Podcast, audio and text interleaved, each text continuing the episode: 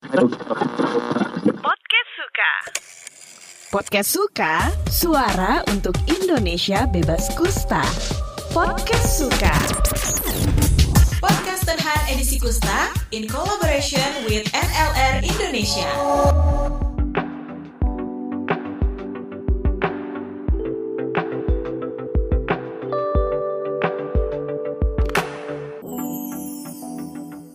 Hey hey, selamat datang di podcast kita yang super asik dan kece ini. Bincang-bincang santai, cerita unik lepris si bakteri kusta. Aku adalah Kak Nana yang akan bincang-bincang santuy bersama kamu selama satu episode ini. Dan siapa lagi yang akan menjadi narasumber kita hari ini? Yaitu sang bintang, Lepris. Yuhu, Lepris! Selamat datang di podcast kita yang kece ini. So, what's up bro? Hai, Kak Nana yang keren. Aku baik-baik saja, meskipun kadang-kadang dianggap bikin ribet sama manusia. Iya sih, kita pasti pernah dengerin cerita serem soal kusta. Tapi nih, buat dengerin cerita kamu, mungkin kita bisa lebih fun ya.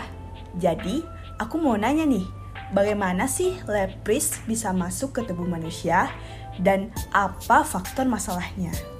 Kamu tahu nggak? Aku tuh kayak petualang, nyari tempat asik buat tinggal. Nah, kalau ada orang yang sudah kena kusta tapi nggak diobatin, aku bisa numpang hidup lama dan nyantai di tubuhnya sambil mencari makanan-makanan di sana. Gimana rasanya tinggal di hotel tubuh orang? Oke, seru juga ya jadi petualang bakteri. Tapi nih lepris, gimana sih kamu bisa bikin kusta? Apa pakai sihir-sihir? Jadi, begitu aku nyantai di tubuh manusia, aku bikin rumahku di sel-sel saraf kulit tepi. Di sana, aku tumbuh biak dengan bahagia. Dan kalau orangnya nggak berobat, aku bisa makan sel-sel saraf mereka. Terus, karena aku bikin pesta biak-biakan, kadang-kadang sel-sel di sekitarku jadi kacau balau deh. Eh, jangan kacau balau terus dong. Tapi, kita sering denger sih, kusta punya masa inkubasi yang lama. Apa sih artinya? Iya, benar. Aku tuh kayak tukang sulap yang nunggu triknya berhasil. Waktu di tubuh manusia, aku bisa sembunyi dan diam-diam berkembang biak selama beberapa tahun sebelum bikin kusta muncul. Banyak banget trikku dalam topi, bro. Nah, sekarang kita akan membahas tentang gejala-gejala penyakit kusta yang disebabkan oleh lepris. So, lepris, apakah kamu benar-benar dapat menyebabkan gejala-gejala kusta pada manusia? Oh, pastinya Kak Nana. Sebagai bakteri Mycobacterium lepra, aku adalah penyebab utama dari penyakit kusta. Ketika aku masuk ke dalam tubuh manusia dan berhasil berkembang biak, aku bisa mempengaruhi sistem saraf perifer, kulit, dan saluran pernafasan. Inilah yang kemudian menyebabkan timbulnya berbagai gejala penyakit kusta pada orang yang mengalaminya. Wow, tentu saja itu bukan tugas yang ringan ya, Lepris. Apa aja sih gejala-gejala yang sering terjadi pada penderita kusta? Ada berbagai jenis gejala yang mungkin muncul Kak Nana. Gejala kusta umumnya berkisar dari bercak kulit putih hingga kemerahan yang kehilangan sensasi atau mati rasa, hingga kerusakan saraf yang dapat menyebabkan hilangnya kepekaan terhadap suhu atau rasa sakit. Selain itu, orang yang mengalami kusta juga bisa mengalami reaksi seperti pembengkakan wajah atau bagian tubuh lainnya, serta munculnya luka-luka yang sulit sembuh. Setiap kasus bisa berbeda-beda, tergantung pada jenis kusta dan tingkat keparahannya. Wow, gejalanya memang beragam dan sering kali tidak menyenangkan ya. Tapi Lepris, apakah kamu dapat menyebabkan bentuk kusta yang tidak menimbulkan gejala atau gejala yang ringan? Bener Kak Nana, aku tuh bisa beraksi dengan trik-trikku lagi. Kadang-kadang aku bisa masuk ke tubuh manusia tanpa menimbulkan gejala apa pun. Ini disebut kusta tanpa gejala. Terus, ada juga yang mengalami bentuk kusta yang ringan dan gejalanya tidak terlalu mengganggu kehidupan sehari-hari.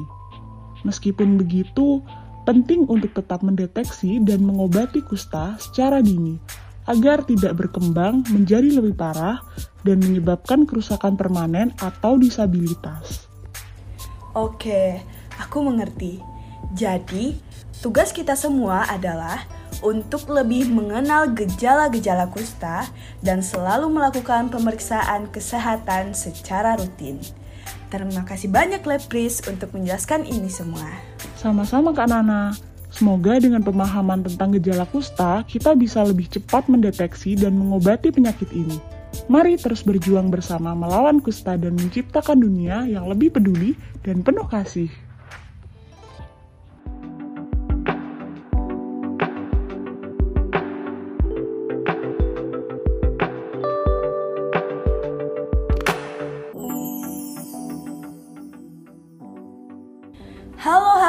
Pendengar yang super kece Kembali lagi bersama Kak Nana dan Lepris di podcast Bincang-Bincang Santai Cerita Unik Lepris si Bakteri Kusta Sekarang kita akan membahas tentang apakah lepris bisa hilang sepenuhnya dari tubuh manusia atau tidak Wah, topik yang menarik nih Kak Nana. Jadi begini, sebenarnya di beberapa kasus, tubuh manusia dapat mengusir aku keluar sepenuhnya. Ini terjadi ketika sistem kekebalan tubuh manusia berhasil mengatasi infeksi dan memberantas jumlah bakteri yang ada di dalam tubuh. Nah, ketika itu terjadi, aku akan pergi dengan senang hati dan mencari tempat tinggal baru di tubuh orang lain yang belum memiliki kekebalan terhadapku. Tentu, seru juga ya jadi bakteri petualang seperti kamu. Tapi, ada nggak sih kasus di mana kamu tetap bertahan di tubuh manusia? Iya, ada kan Nana. Meskipun kadang-kadang imun dalam tubuh manusia berhasil membunuh jumlah bakteri kusta, tapi ada juga yang nggak seberuntung itu. Dalam beberapa kasus, khususnya yang tidak melakukan pengobatan, aku akan tetap ada dan aku bisa bertahan dalam bentuk yang tidak aktif, atau bisa yang disebut bangkai bakteri, dan tersembunyi di saraf perifer dan kulit. Ketika kondisi tubuh melemah atau sistem kekebalan tubuhnya turun, aku bisa kembali aktif dan menyebabkan gejala penyakit kusta kambuh. Aku kayak muncul terus kembali gitu dari persembunyian seperti pesulap misterius. Wow, kamu memang bakteri dengan trik-trik ajaib ya Lepris. Tapi, apakah ada cara untuk menghilangkanmu selamanya dari tubuh manusia? Sayangnya, sampai saat ini belum ada vaksin yang dapat benar-benar menghilangkan aku sepenuhnya dari tubuh manusia. Tapi untuk obatnya sudah ada, namanya obat MDT atau multi drug therapy pengobatannya disesuaikan dengan tipe kustanya. Jika kusta dengan tipe kering atau bakterinya sedikit, pengobatannya selama 6 bulan. Dan jika kusta tipe basah yang bakterinya banyak, pengobatannya selama 12 bulan. Aku sih berharap suatu hari nanti akan ada vaksin yang ampuh dan aku bisa pensiun dini dari karirku ini. Tapi sampai saat itu tiba, Mari bersama-sama mengedukasi masyarakat dan mendukung penelitian untuk membantu penderita kusta dan mengurangi stigmanya. Bener banget Lepris, kita semua berharap akan ada terobosan medis untuk mengatasi kusta. Selama itu, mari kita terus memberi dukungan dan kasih sayang bagi mereka yang terkena kusta, serta terus berjuang melawan stigma.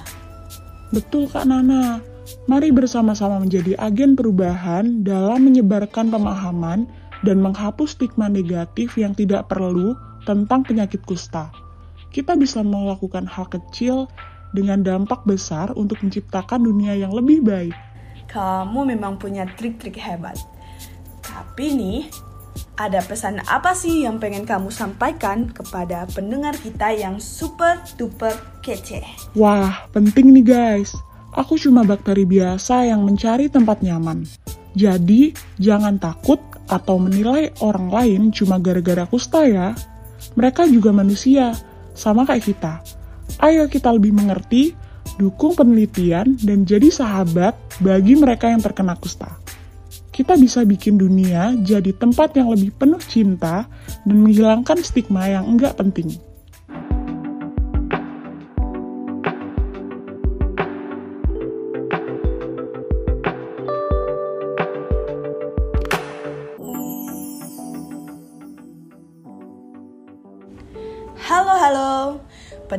Super kece. Kembali lagi bersama Kak Nana dan Lepris di podcast Bincang-bincang santai cerita unik Lepris si bakteri kusta. Nah, selain membahas tentang kusta, ada satu pertanyaan lagi nih yang sering ditanyakan, yaitu apakah lepris dapat menular melalui makanan? Oke, ini penting banget untuk dipahami guys. Sebagai bakteri kusta, aku sebenarnya tidak menular melalui makanan. Lepris lebih sering menyebar melalui kontak langsung dengan penderita kusta yang tidak diobati atau melalui partikel droplet dari saluran pernapasan ketika orang yang terinfeksi kusta dan itu pun penularannya perlu kontak erat yang lama. So, lebih fokusnya adalah melalui kontak langsung dan udara ya? Benar sekali Kak Nana. Lepris sangat mengandalkan kontak langsung dengan manusia dan makanan bukanlah jalur penularan kami. Tapi tentu saja, sebagai bakteri, kami senang tinggal di lingkungan yang lembab dan hangat, seperti makanan yang tidak diolah dengan baik atau tempat yang kotor. Jadi, penting bagi kita semua untuk selalu menjaga kebersihan dan keamanan makanan kita. Ya, benar sekali. Selalu jaga kebersihan dan kenikmatan makanan kita ya. Tapi nih, ada tips lain gak sih untuk mencegah penyebaran lepris? Tentu Kak Nana, tips utama adalah menghindari kontak langsung dengan orang yang terinfeksi kusta dan selalu menerapkan pola hidup bersih dan sehat. Selain itu, jika ada gejala kusta atau kulit yang mirip-mirip panu tapi tidak ada rasa, segera periksakan diri ke puskesmas terdekat untuk diagnosis dan pengobatan dini. Semakin cepat tindakan diambil, semakin baik peluang untuk menghentikan penyebaran kusta. Yuk, jadi detektif kesehatan dan jagalah kesehatan diri sendiri dan orang lain. Bener banget Lepris, kita semua punya peran untuk berbuat baik dan menghargai sesama. Semoga podcast ini bisa ngebantu banyak orang untuk lebih paham tentang kusta dan berbuat lebih baik. Makasih banyak Lepris untuk cerita-cerita seru hari ini. Sama-sama Kak Nana yang keren. Makasih juga buat kesempatannya. Semoga kita bisa terus menghibur dan mengedukasi serta menghapus stigma tentang kusta. Bye-bye pendengar kita yang super kece. Sampai jumpa di episode selanjutnya. Oke, baik. Kita semua udah siap mendengarkan cerita lanjutan. Tapi sebelumnya, jangan lupa untuk subscribe and share podcast ini ke teman-temanmu. Kita ingin lebih banyak orang yang bisa teredukasi tentang kusta dan membantu menghilangkan stigma. Jadi, mari kita bersama-sama jadi pahlawan tanpa tanda jasa. Podcast Suka, suara untuk Indonesia bebas kusta. Podcast Terhan edisi Kusta in collaboration with NLR Indonesia.